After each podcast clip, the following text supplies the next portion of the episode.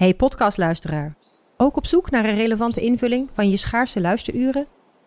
Tune dan in op de podcastserie ESG, even samengevat van BNP Paribas. Wij, Marloes en Aldert, spreken daar duurzame voorlopers en wereldverbeteraars. Waarover dan? Nou, bijvoorbeeld of we ooit duurzaam kunnen gaan vliegen. En waarom koeien in de stad nou een goed idee is? Dat en meer elke twee weken in een nieuwe aflevering. Dus abonneer je. ESG, even samengevat.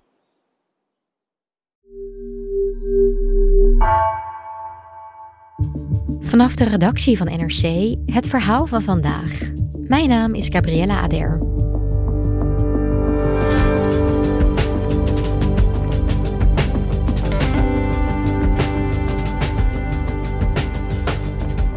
Op 15 maart stemt Nederland niet alleen voor de provincie en waterschappen. Indirect kiezen burgers ook de nieuwe Eerste Kamerleden. De kabinetten Rutte hebben in deze Kamer al meer dan 10 jaar geen meerderheid. En moet dus rekenen op de steun van vaak linkse partijen, vertelt redacteur Pim van den Doel. Met de groei van de BBB, JA21 en PVV rijst de vraag of het kabinetsbeleid ook na deze verkiezingen nog wel uitvoerbaar blijft.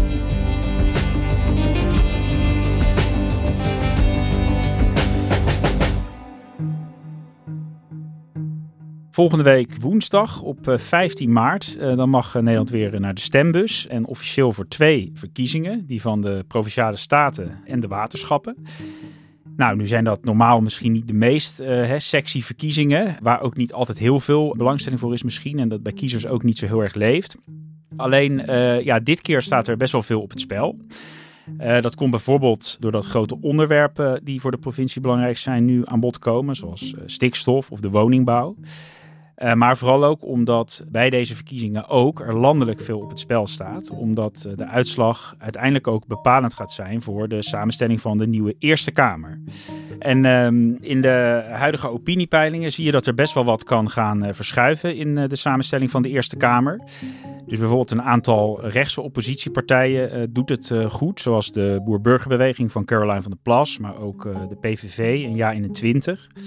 Dus de vraag is wat dat betekent voor hoe het kabinet straks verder kan werken in de Eerste Kamer. Nu uh, en ook de afgelopen jaren uh, werkten ze heel graag samen met de linkse oppositiepartijen, bijvoorbeeld PvdA en GroenLinks.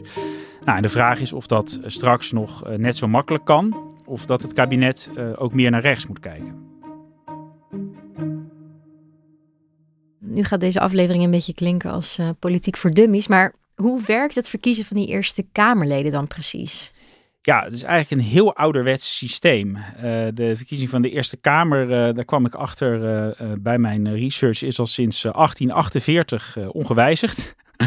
en um, volgende week woensdag kiezen wij met z'n allen, de Nederlanders, de samenstelling van de provinciale staten. Dus dat zijn zeg maar onze volksvertegenwoordigers in de provincie. Die straks ook weer in de provincie dus met elkaar nieuwe besturen gaan vormen. Maar die uh, leden van die provinciale staten, die kiezen dan ongeveer uh, twee maanden later. Het zal eind mei dit keer gebeuren, uh, weer op hun beurt de leden van de Eerste Kamer. Dus dat is een soort getrapte verkiezing, zo noem je dat. Ja, en het is eigenlijk een heel ouderwets iets, maar iets wat dus in al die 150 jaar of nog langer eigenlijk nooit, nooit meer is veranderd. Wat is dan precies de rol van de Eerste Kamer? Nou, de Eerste Kamer heeft uh, op papier een wat andere rol dan de Tweede Kamer. Hè. In de Tweede Kamer worden echt wetten gemaakt en de wetten van het kabinet uh, goedgekeurd. En dan gaan ze daarna nog naar de Eerste Kamer. En de, de, oorspronkelijke taak van de Eerste Kamer is om wetten vooral op een aantal criteria nog te toetsen. Dus uh, eigenlijk niet om het net zo politiek te bekijken als men in de Tweede Kamer doet, maar wetten meer nog te beoordelen op. Juridisch. Ja, juridische rechtmatigheid, handhaafbaarheid. Uh, de uitvoerbaarheid is ook altijd een heel belangrijk uh, thema voor Eerste Kamerleden. Af en toe komt het ook voor dat de Eerste Kamer op die gronden bijvoorbeeld een wet verwerpt. Um, afgelopen najaar was daar nog wel een goed voorbeeld van, uh, vond ik zelf. Toen behandelde de Eerste Kamer een wetsvoorstel dat eigenlijk de mogelijkheden van rechters om bij bepaalde delicten taakstraffen op te leggen zou beperken. Dus dat je bijvoorbeeld geen taakstraf meer zou mogen opleggen bij uh, geweld tegen hulpverleners, uh, om een voorbeeld te geven. Het verbod om een taakstraf te geven aan mensen die geweld gebruiken tegen hulpverleners gaat niet door. De Eerste Kamer heeft het weggestemd. Vorig jaar ging de Tweede Kamer wel akkoord, dat was na een aantal corona-incidenten. Maar een rechter bepaalt welke straf iemand krijgt, vindt de Eerste Kamer. En daar heeft de Eerste Kamer dus gewoon heel kritisch naar gekeken. Er waren ook heel veel deskundigen, ook uit de wereld van de rechtspraak, uh, die het met die wet oneens waren. En daar zag je dus dat uh, de Senaat die wet heeft uh, verworpen. En daardoor is, uh, is die niet doorgegaan. En je zei net al af en toe, dat gebeurt dus niet zo vaak momenteel? Nee, dat gebeurt dus eigenlijk maar heel zelden. Dus ik kon over de afgelopen zittingsperiode, dus de huidige Eerste Kamer, die ging van start in juni 2019 tot nu, kon ik maar vijf voorbeelden vinden van de bijna duizend wetten die in de Senaat waren gepasseerd. Dus als je er zo naar kijkt, dan functioneert eh, de Eerste Kamer eigenlijk heel, ja, bijna apolitiek zou je, zou je kunnen denken. Ja, zou je kunnen denken. Ja, want dat is toch weer iets, iets te kort door de bocht. Als je alleen maar gaat kijken van hoeveel wetten hebben ze, hebben ze afgestemd. Belangrijk om, uh, om te weten is dat eigenlijk al sinds de kabinetten Rutte in 2010 aan de macht uh, zijn gekomen, het kabinet bijna nooit meer beschikte over een uh, meerderheid in de Eerste Kamer. Dus wel altijd in de Tweede Kamer maar niet automatisch meer in die Eerste Kamer. En dat is ook nu zo bijvoorbeeld. Dus het kabinet Rutte 4 is begin vorig jaar begonnen. Maar met een minderheid in de Eerste Kamer van 32 zetels van de vier coalitiepartijen. Terwijl je er 38 nodig hebt daar om ook een meerderheid te halen. Dus dat betekent dat het kabinet het afgelopen jaar uh, ook al regelmatig op zoek moest naar één of meerdere oppositiepartijen die het kabinet dus in die Eerste Kamer konden helpen. En uh, nou, nu hadden ze daar bijvoorbeeld nog meerdere opties voor. Er werd vaak gekeken naar de linkse partijen. Nu konden GroenLinks of de PvdA bijvoorbeeld het kabinet allebei nog apart van elkaar aan, uh, aan die meerderheid helpen. Hoe gaat dat helpen aan een meerderheid in zijn werk? Hoe moet ik dat voor me zien? Om die meerderheid te verzekeren wordt er met deze partij gesproken, bijvoorbeeld in de aanloop naar de jaarlijkse uh, begrotingen. Onderhandelingen dus over het, geld dat uh, te verdelen is, maar ook wel in de aanloop uh, bijvoorbeeld naar belangrijke wetgeving. Als er een ja, hele belangrijke grote dossiers moeten passeren, dan wordt er vaak al toch al verkend van, nou ja, wat zijn de wensen van de oppositiepartijen? Waar kunnen we ze misschien een beetje tegemoet komen, zodat zij deze, ja, deze wetten toch aan die meerderheid kunnen helpen goed voorbeeld was uh, afgelopen najaar, toen er weer over de begroting werd gesproken. En natuurlijk door de oorlog in Oekraïne hè, en de hoge energieprijzen er echt een, uh, een soort koopkrachtcrisis dreigde. Toen uh, kwam het kabinet al met een pakket aan maatregelen van ongeveer 17 miljard euro om dus de koopkracht van burgers te ondersteunen. Dat was al een historisch hoog geldbedrag. Maar toen waren uh, met name de linkse oppositiepartijen, PvdA GroenLinks, uh, toch bezorgd dat dat niet genoeg zou zijn. Uh, met name vanwege de energieprijs en de energierekening van veel, veel huishoudens. En toen kwamen zij eigenlijk, of eisten zij van het kabinet dat er alsnog zo'n prijsplafond op de energierekening kan komen, waar we nu allemaal in Nederland van, van profiteren. De boot is lek. Sinds die oorlog is de boot lek, zou je Mhm. kunnen zeggen. Dus de prijzen stijgen, het water loopt in die boot en het kabinet die is aan het hozen. Maar als dat gat blijft zitten, dan kan je wel geld naar mensen brengen. Maar als die rekening blijft stijgen, dan, dan help je ze niet. Ja, en met dit plafond uh, zorg je er echt voor dat, dat mensen niet in de problemen komen. En in ieder geval de groep zo klein mogelijk maakt. Zodat we heel gericht inkomensbeleid via de belastingen, zodat je je daarop kan focussen. En dat uh, moest het kabinet er echt dus nog bovenop doen. Om de steun van, van die linkse partijen voor de begroting uh, te houden. Dus dat was wel een voorbeeld van een hele ja, grote maatregel die er dus dankzij de oppositie nog doorheen kwam. Uh, nou, dat prijsplafond is nu één uh, voorbeeld. Maar als je kijkt naar de uh, stemmingsuitslagen over wetten in de Eerste Kamer de afgelopen jaren, dan zie je eigenlijk dat de coalitie vaker via de linkse oppositie een meerderheid voor wetten haalt dan via de rechtse oppositie. Ik heb het zelf een beetje zitten tellen voor een klein onderzoekje. En ze gingen ongeveer drie keer zo vaak over links dan over rechts om steun te krijgen. Ja, dat is wel aanzienlijk. Ja, dat is een groot, dat is een groot verschil. Nu zie je dus in de peilingen dat onder andere de BBB, Ja21 en PVV er waarschijnlijk flink wat zetels bij zullen krijgen. Dus ja, wat betekent dat dan voor de coalitieplannen? Kijk, als je naar de, de, de inhoudelijke plannen kijkt die dit kabinet heeft, dan eh, lijkt het nog steeds heel onwaarschijnlijk dat ze straks goed zaken kunnen doen met die rechtse partijen. Als je nou kijkt naar het klimaatbeleid, het stikstofbeleid, waar het kabinet hele ambitieuze doelstellingen heeft en zeg maar eh, ook echt tempo wil maken. Ja. Ja, daar eh, zien deze partijen eigenlijk helemaal niks in. Hè? Uh, de BBB dankt uh, straks al die zetels in de provincies in de Eerste Kamer natuurlijk vooral aan het verzet tegen het stikstofbeleid wat, uh, wat Caroline van der Plas uh, voert. En uh, nog een heel ander voorbeeld is bijvoorbeeld uh, een belangrijke asielwet die uh, nog door de beide kamers moet. Die, die, heet de spreidingswet. Die gemeente kan dwingen om hun deel van de asielzoekers ook op te vangen. Echt letterlijk te spreiden over ja, de gemeentes precies, in Nederland. Ja, om dat eerlijker te verdelen. dat is nou ook weer een voorbeeld waar de rechtse oppositiepartijen heel erg op tegen zijn. Die willen sowieso minder asielzoekers. En die willen niet dat gemeenten door een wet kunnen worden gedwongen. Dus zo hebben we al drie grote onderwerpen waar ja, het kabinet eigenlijk, als je kijkt naar hun huidige koers, niet zo goed kan samenwerken met die rechtse oppositie. En um, wat ze dus zullen hopen, denk ik, is dat de route naar een meerderheid over links, dat die blijft zoals die nu ook al bestaat in de Eerste Kamer. En ja, dat ze dus opnieuw met het blok van uh, vooral PvdA en GroenLinks, die ook uh, na deze verkiezingen een gezamenlijke fractie zullen gaan vormen in de, in de Eerste Kamer. Dus die echt één grotere linkse fractie worden. Uh, ja, dat die ze toch op die thema's opnieuw aan de meerderheid uh, wil helpen. En heb jij gezien hoe nou ja, de coalitiepartijen dat nu proberen in die campagne, die jij al een tijdje volgt? Nou, uh, het frappante van de campagne is eigenlijk dat het lijkt alsof hè, de VVD vooral, maar de coalitiepartijen en de PvdA en GroenLinks eigenlijk heel erg tegenover elkaar staan. Hè. Um, de VVD spreekt eigenlijk sinds het begin van deze campagne over de linkse wolk. En um, beheert van deze campagne echt een tweestrijd met links te maken. Ik heb uh, een beetje het idee dat u deze tweestrijd al uit de weg gaat. Of, uh... Nee, want ik heb geen strijd met Caroline. De strijd die ik heb is met de linkse wolk. Klinkt een beetje als een contradictie. Ja, nou ja, het, het gekke is dus eigenlijk dat ze normaal gesproken met deze partijen, met PvdA en GroenLinks, uh, gewoon best goed en constructief kunnen samenwerken.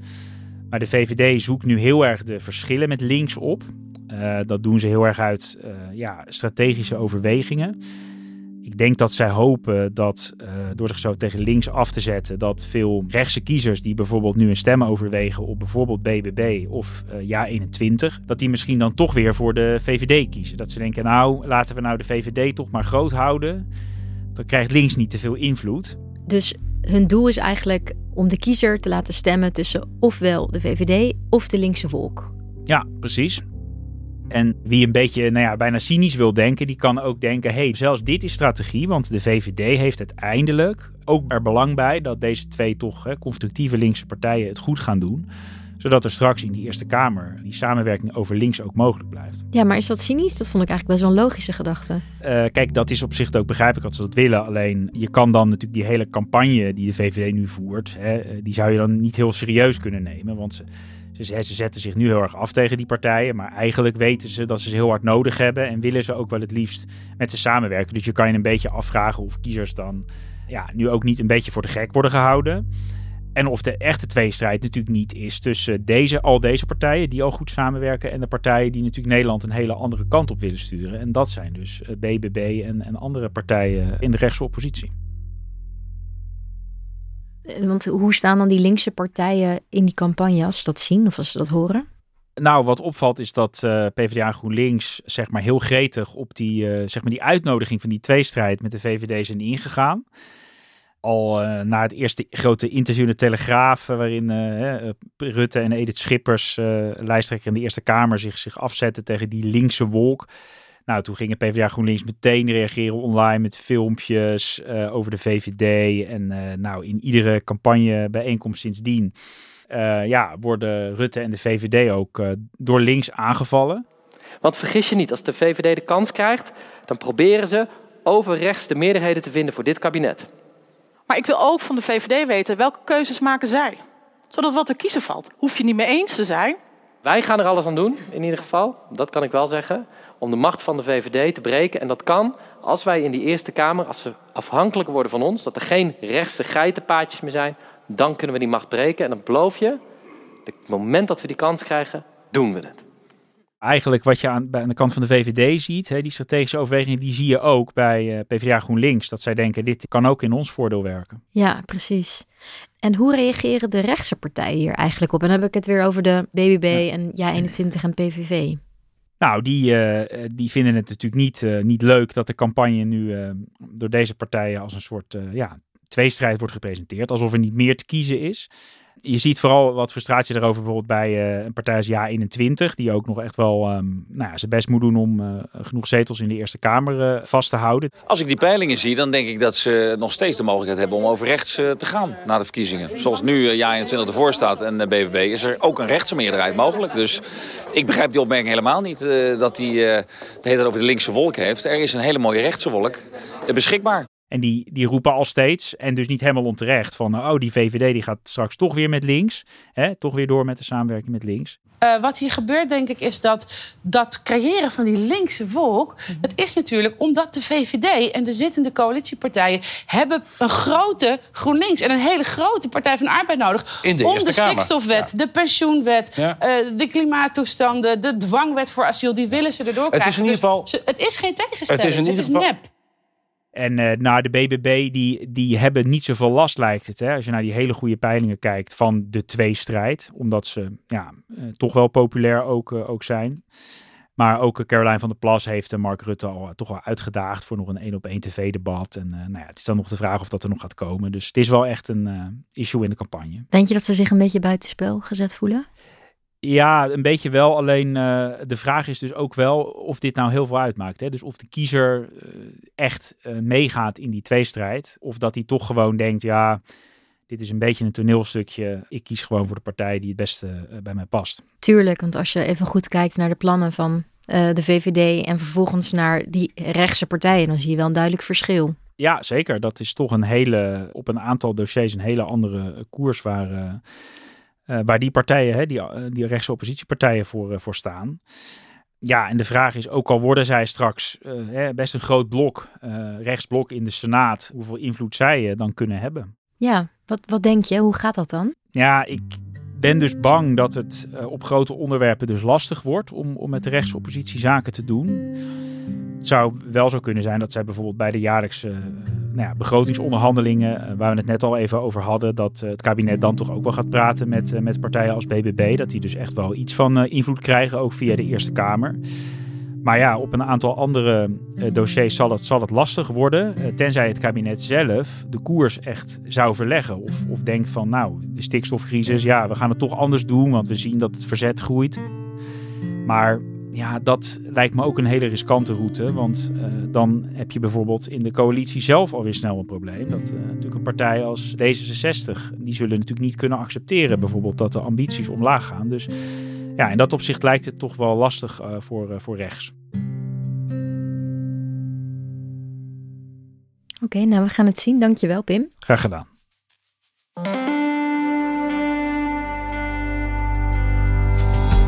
Je luisterde naar vandaag, een podcast van NRC. Eén verhaal, elke dag. Deze aflevering werd gemaakt door Mila Marie Bleeksma en Marco Raaphorst. Coördinatie door Henk Ruigrok van de Werven. Dit was vandaag, morgen weer.